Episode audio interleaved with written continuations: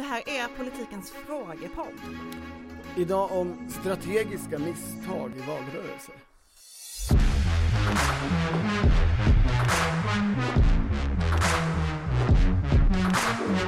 Tack herr talman. Alltså den nivån på frågor är ju bara för bedrövlig. Det är en folkpartist som har skickat in veckans fråga. Vem då?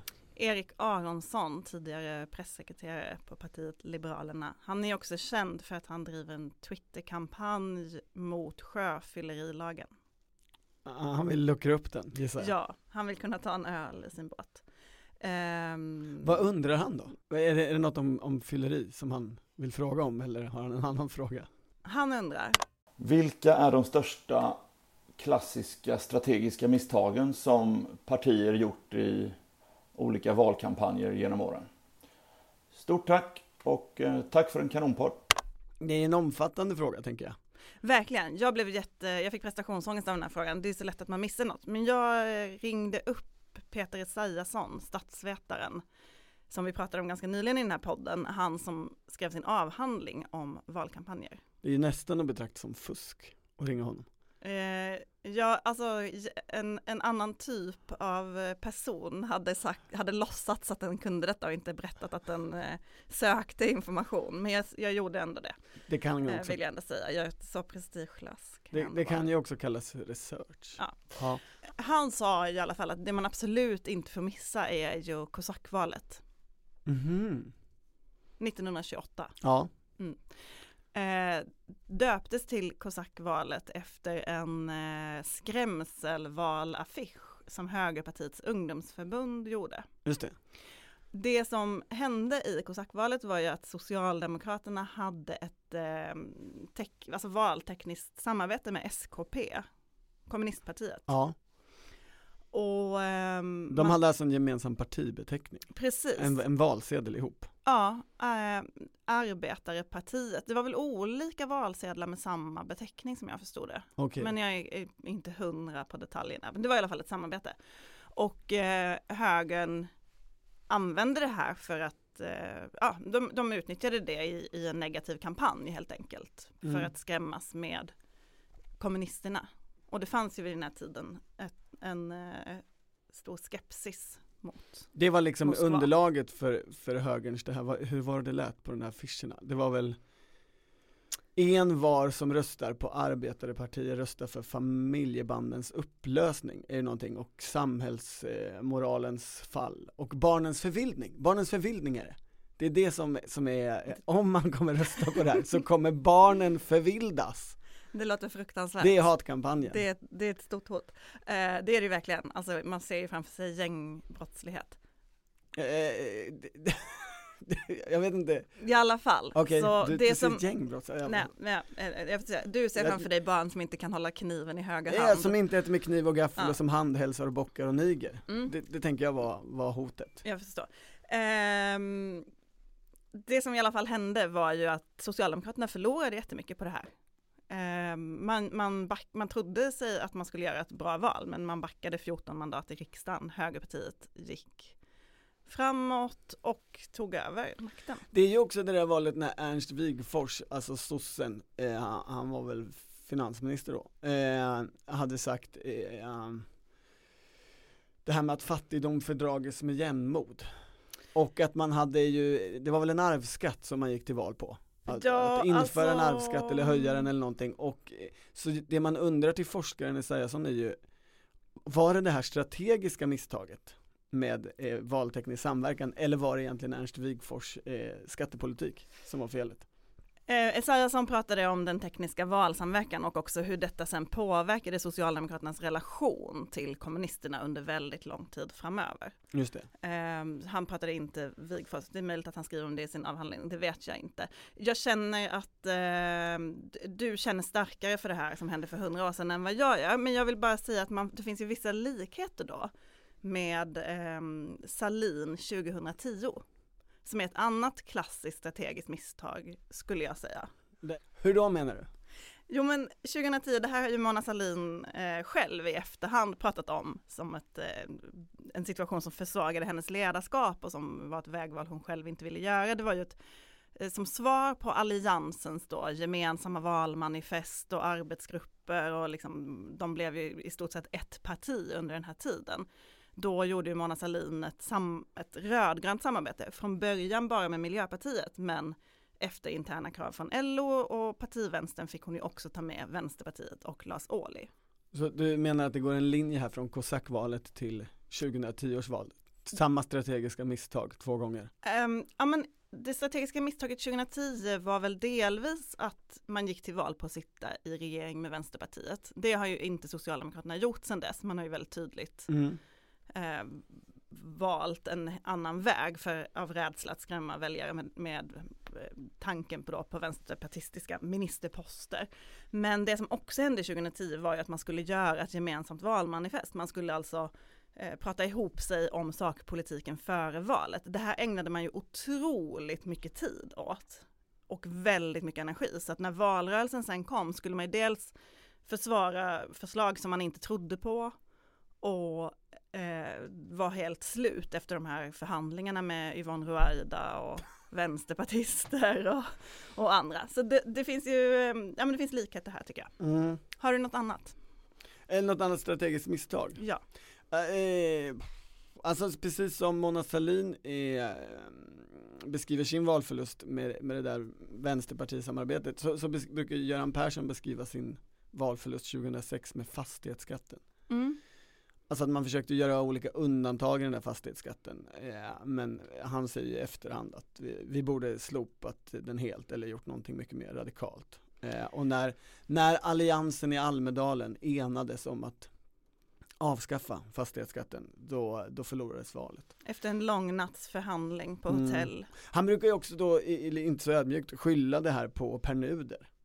Eh, att det var Pär Nuder som höll emot. Eh, det, därom, Som var finansminister vid den här tiden. Precis. Men jag måste bara säga att valforskarna är ju inte riktigt eniga med Göran Persson där. De brukar ju säga att det där inte hade så stor betydelse som Göran Persson själv vill göra gällande. Man skulle ju också kunna säga att det strategiska misstaget var att köpa den där Kö, köpa, herrgården som han köpte vid den här kö, köpa tidpunkten. gården. Ja. Mm. Och skaffa korna och Jag vet inte om statsvetarna har belägg för det heller kanske men ett, ett, ett, ytterligare en som ju är Almedalskopplad också är ju Bo Lundgren 2002 Men där är frågan om det strategiska misstaget var att föreslå skattesänkningar på 130 miljarder som eh, Socialdemokraterna effektivt eh, kunde använda mot partiet genom den klassiska metoden att räkna ut hur många lärare och eh, sjuksköterskor som skulle bli eh, utan jobb.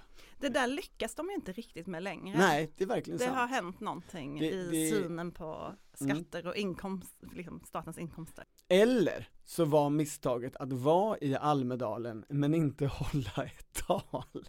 Gjorde han inte det? Nej, han var ju där och eh, hängde. Eh, eh, så det var så att säga, han var han protesterade inte mot Almedalen eh, fullt ut, men var heller inte där och höll ett tal. Men vem höll Moderaternas tal? Ingen? Mm, nej, jag tror inte det. Eh, men däremot, det, det vet jag faktiskt inte säkert. Men det som har kommit ut och blivit eh, ihågkommet är ju att han, liksom, journalisterna jagade honom typ på badstranden. Eller liksom, han var badade. Vad är, vad är Bo Lundgren frågar om moderatfolket? Så, nej, han är och badar. Alltså jag känner ändå att Bo Lundgrens Almedalsvecka är inspirerande. Det, ja. Ja, eh, Men, men, eh, då skulle jag vilja säga en annan sak. Okej, Ehm, det finns ju fler sådana där skattesänkningsgrejer, eller hur? Olof Palme, Ulf Adelsohn. ja men det, det är ju, eh, jag ska inte säga att det är liksom den första, för det vet jag inte, men, men det är ju en karbonkopia som användes i, i, i valet 2002 och det originalet då kommer väl från valrörelsen 1985. Det hade gått väldigt bra för Moderaterna i valet innan med ny partiledare Ulf Adelsohn, folklig. Eh, och det blåste högervind. Man tänkte sig att man skulle vinna och var ganska säkra på det. Men eh, det var också första valet på decennier som högerpartiet var huvudmotståndare till Socialdemokraterna, alltså det Socialdemokraterna hade högerpartiet som huvudmotståndare. Innan hade de haft Centerpartiet och Liber- Folkpartiet och sådär. Jag höll på att säga Liberalerna och Folkpartiet, sjukt. så knäppt. Eh, de hade ju en massa skattesänkningar. De var ju högerpartister, så det var ju, det var moderater. Eh, och bland annat en på statsanslaget som heter aktivitetsstöd till idrotten. Ja, Och men det- just det. Och det här är, mm, tog ju Socialdemokraterna, vem vet jag inte, eh, som kan ha funnits runt Olof Palme eh, då. Och döpte om till De vill förstöra eller döda eller avskaffa knattefotbollen. Alla dessa barn som springer på sjumannaplanerna, de vill ta bort det. Ja det är starkt i Sverige. Det är ju ändå, Men en intressant vad ska sak, ungarna göra? De kommer bli sådana som i kosackvalet. ja det blir barnens förvildning. Ja. Det är, det är omvänt, fast nu är det Moderaterna som, som kommer med barnens förvildning. Det, det är naturligtvis bra, men det har ingen, eh, det ingen som helst eh, smakkraft. slagkraft.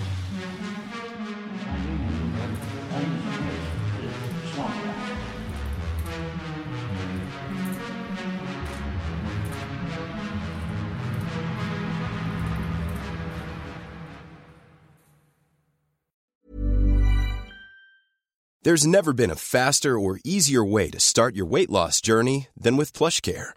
PlushCare accepts most insurance plans and gives you online access to board-certified physicians who can prescribe FDA-approved weight loss medications like Wigovi and Zepbound for those who qualify. Take charge of your health and speak with a board-certified physician about a weight loss plan that's right for you. Get started today at plushcare.com slash weight loss. That's plushcare.com slash weight loss. plushcare.com slash weight loss. En intressant sak är ju att nu när vi befinner oss i valspurt här, väldigt många av de här sakerna vi nu räknar upp som strategiska misstag, de har ju skett långt, långt innan eh, den här tiden i valrörelsen. Mm. Alltså det här med knattefotbollen, det var redan i februari, valåret, som, som det sattes. Esaiasson räknade ju också upp när jag pratade med honom ett antal sådär kända eh, intervju och debattmisstag där partiledarna har gjort bort sig i någon av de stora intervjuerna som ju då inte var så många vi, liksom förr. Det var ju för, från början bara radio och sen kom tv och, och så sa han att det där händer ju inte idag. De gör inte det idag för att de har lärt sig att de ska inte svara på frågorna eller eh, de är ju liksom förberedda till tänderna med sina talepunkter. Så egentligen, det är fler eh, debatter och utfrågningar, men egentligen är de mer meningslösa än de var förr. de påverkar inte alltså, valet på samma sätt genom misstag i alla I alla fall. fall. Mm, mm. Ja, Men ehm, har du något mer strategiskt misstag som du Ja men på? jag tycker ju att eh, EMU-valet är svårt att komma bort ifrån. det, det, det är ändå toppen. Det är 2003, Ja, eh, det är folkomröstning, ja och nej är linjerna. ja. Ehm, och ja-sidan har fruktansvärt mycket pengar. Ja, Och nej-sidan har inte fruktansvärt mycket pengar. Ja-sidan har också statsministern, oppositionsledaren, hela näringslivet, eh, liksom de stora fina politikerna. LO tror jag var med där Eh, också. och nej-sidan har inte det. Ehm, de har lite, de lite De mer hade ju- punkiga, de har Leif Pagrotsky, de har, eh, men Alltså nu kommer han, han kommer bli så glad för att du kallar honom punkig. Det, det, de, fram, Men- det de men- framförallt hade var ju massariner, det måste jag få säga i, i den här uppräkningen. Ja-sidan hade ju, jag, jag skrev ett reportage om det här tio år efter, alltså, och, så det är ju tio år sedan nu, och då pratade jag med någon som sa att de hade så mycket pengar att de sa ja till alla idéer. Varenda idé som var uppe på bordet genomfördes. Och eh, massarinerna var ju en stor grej, de tryckte upp, eh, eller liksom de beställde massariner de hade tryckt eh, eurologgan på. Och så delade de ut det till folk. Och de hade så mycket massariner att de fick äta massariner liksom år efteråt för att de inte ens blev av med dem. Men det som hände under själva valrörelsen var att det skrevs ju väldigt mycket om de här pengarna. De, alltså valarbetarna var till och med avlönade. Och så att det blev liksom en bild av då de här den rika eliten finansierad av näringslivet mot eldsjälarna som eh, in, inte har några pengar och spikar upp liksom handritade plakat typ. Ja det är ju ändå ett klassiskt strategiskt misstag. Den, den situationen vill man ju inte hamna i. Nej, och Att just vara det den här. som slår ovanifrån. Nej men och just det här att man då, ja men ni har liksom betalda valarbetare men de här tror verkligen på sin sak. De vann väldigt mycket trovärdighet genom det. Mm. Men eh, en annan dimension av det där, förutom att man liksom kan skratta åt allt bisarrt de gjorde, det, i Almedalen hade de ju en person som eh, gick runt i en emu-dräkt. Alltså som den, få, den äh, fågeln Mm. från Australien. Mm, Som för, väl är utdöd? För EMU, EMU, eh, det är jättelångsökt, o, oklart hur många röster den Man skulle också värvade. kunna hävda, tror jag, att ett st- strategiskt misstag i ja-sidans kampanj var att man lät ungdomsförbund bestämma en massa saker. Alltså det hängde, det hängde ju ihop med det här att det fanns så mycket pengar, så det där är ju en typisk ungdomsförbundsidé. Ja, Eh, men- Och det är ju inte så bra idéer. Men ett annat som jag inte riktigt vet om man kan kalla för ett strategiskt misstag, men i alla fall en konsekvens av det här var ju att ehm, alltså i Socialdemokraterna, så Socialdemokraterna var ju splittrade såklart, de har varit splittrade om, om EU-frågan sedan länge. Ja, Eh, men de fick ju kampanja på då ja, alltså partiet splittrade ju upp sig på ja och nej-sidan i Precis. kampanjen. mm. Så att det var ju statsråd som kampanjade på båda sidor, ehm, bland annat, men, men också hela partiet. Och det här skapade ju splittring i partiet som, ja men i slutändan ledde fram till Håkan Juholt. ja. Leif Pagrotsky skulle väl säga att han inte riktigt fick kampanja. Eh, att han så att säga eh, för, eh, fick Ja. någon slags munkavle. De, Och eh, Margareta Winberg skulle väl säga att hon blev skickad till Brasilien sen. Ja, men, de statsråd i regeringen som var men som det var ju kritiska ändå till faktiskt, det var ju ändå faktiskt att, de, att man gjorde det. Och eh, även om den debatten du Absolut. nämner fanns så, eh, så gjorde man det och det skapade en splittring i partiet som, alltså om man tittar på hur partiet agerade i NATO-frågan till exempel, så var ju det en direkt konsekvens av den splittringen. Vi ska inte ha någon slags folkomröstning, Mm. vi ska inte kampanja ja och nej här, utan nu ska vi sitta alla och prata lite och sen komma ut och säga ja. Ja men det där är väl egentligen det ultimata strategiska misstaget. Ha inte pengar. Och har du pengar, säg inte att du har det. Nej, men jag vet att när jag skrev om det då så pratade jag med moderater som jämförde sen med valet 2006 då man hade väldigt lite pengar eftersom 2002 var ju så dåligt val Mm. och partistödet sätts ju efter valresultat. Och att, ja men liksom, att, att komma med den underdog fattiga energin, det är ändå, det, det är ett särskilt värde i det. Eh, en annan kampanj som jag tänker på ibland är ju em, Miljöpartiets valkampanj 2014 när man gjorde dokusåpan Allt grönt, som, eller reality-serien Allt grönt som släppte ett avsnitt om dagen på Youtube för att nå då, eh, ja, vissa väljare. Och eh, den var ju otroligt kostsam. Alltså man la en väldigt stor del av valbudgeten på det här. För man hade ett proffsteam som då reste runt med språkrören och klippte ihop ett avsnitt om dagen. Och partisekreterare Anders Wallner som stod bakom det här hade alltid drömt om att få jobba med reality. Så nu fick han det i valrörelsen.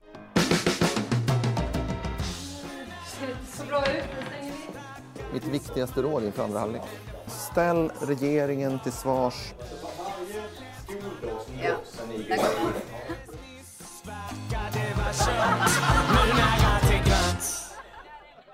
Hur gick det Eh, för partiet? Eh, Det gick ju inte så bra för partiet i det valet och eh, jag minns att valanalysen väldigt hårt sågade det här projektet.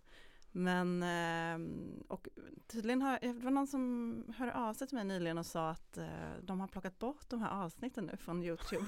De finns inte kvar tyvärr, man kan inte kolla i efterhand. Stackars Anders Wallner. Du så jobbar du för fan för Reinfeldt, Nos.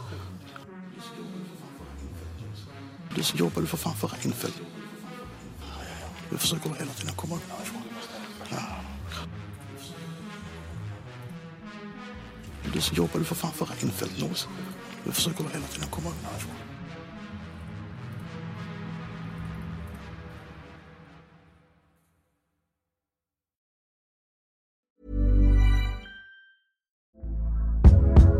Hey there, it's Michelle Norris. I'm host of a podcast called Your Mama's Kitchen. When I travel, I'm usually looking for a way to find a taste of home when I'm not at home. And one of the things I love to do when I am at home is entertain. And Airbnb allows me to do that. When I was in California recently, I rented a house that had a great kitchen. And when we were sitting around the table, we're all thinking, we're in someone else's house. Someone could be in all of our homes as well. If you have a home, but you're not always at home, you have an Airbnb. Your home might be worth more than you think.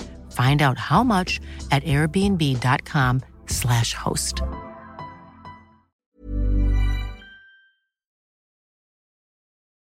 En annan sak som Peter Israelsson pratade om var valet 68 och Sven Mhm. Wedén, jag vet inte ens vem det är, jag har inte hunnit googla honom, kan inte du dra den?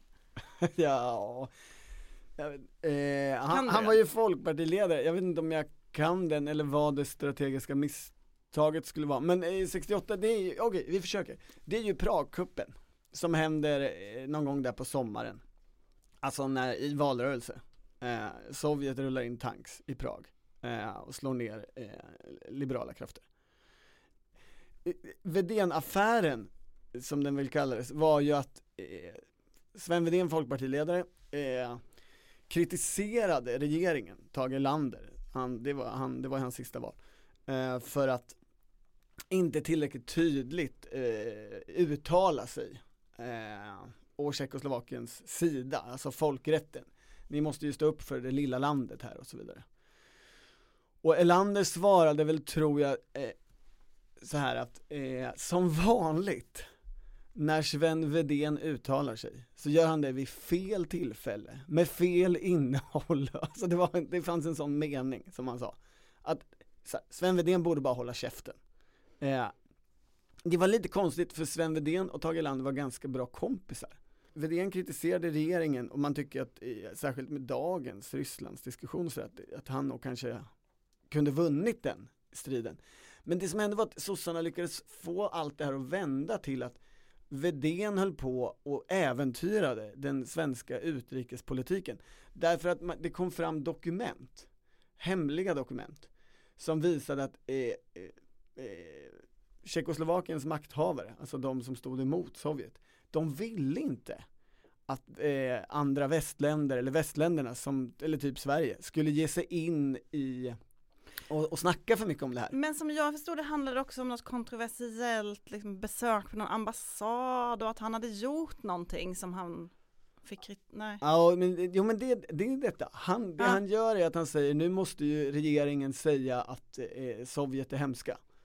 Och regeringen lyckas vända det till Okej. att Sven Wedén riskerar eh, hela utrikespolitiken. Så det strategiska misstaget skulle i sådana fall vara att, Att som folkpartist eh, under eh, Tage Erlanders sista valrörelse ge sig på honom som statsman.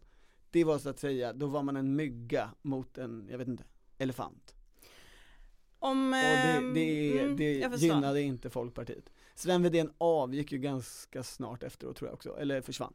Alltså om man ska säga något om strategiskt misstag som partierna tänker på nu, eh, som är kanske, liksom, kanske inte kommer gå till historieböckerna, men jag tänker ändå på förra valet, alltså valet 18, Mm där man ju i valrörelsen väldigt tydligt låste fast sig. Alltså flera partier hade ju angett liksom sina ultimatum, sina röda linjer, vi kan samarbeta med de här men inte med de här och sen så fick man ett valresultat som inte alls gick ihop med liksom, det här schemat som partiledarna hade byggt ihop. Det har de ju uppenbarligen funderat över i det här valet och uttrycker sig på ett annat sätt. Att de är, du menar att de har lärt sig av sina misstag? Ja, de vi- vill ju inte skapa samma låsta situation, även om det fortfarande finns låsningar kvar i det parlamentariska. Eller så är det så att de bara, det, det vanliga klassiska misstaget, nämligen att man eh, utkämpar förra valets eh, valrörelse Ja, det nu. är kanske det de gör Det är då. kanske nu de ska ha supertydliga och massor röda linjer och vara helt ultimativa. Fast det gör de inte, för förra gången gick det så kass. Jag hoppas du är nöjd Erik med det här svaret. Om du kanske hade hoppats på lite mer folkpartism, jag vet inte. Men eh, om man vill ställa en fråga till den här frågepodden så kan man smsa, twittra, mejla, ringa, haffa oss på stan. Absolut.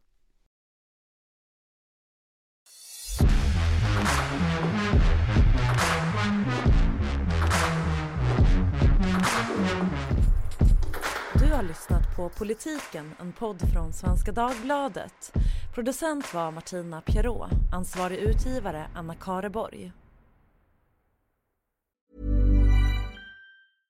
Imagine the softest sheets you've ever felt. Now imagine them getting even softer over time. That's what you'll feel with Bowl and Branch's organic cotton sheets. In a recent customer survey, 96% replied that Bowl and Branch sheets get softer with every wash. Start getting your best night's sleep in these sheets that get softer and softer for years to come. Try their sheets with a 30-night guarantee. Plus, get 15% off your first order at bowlandbranch.com. Code BUTTERY. Exclusions apply. See site for details.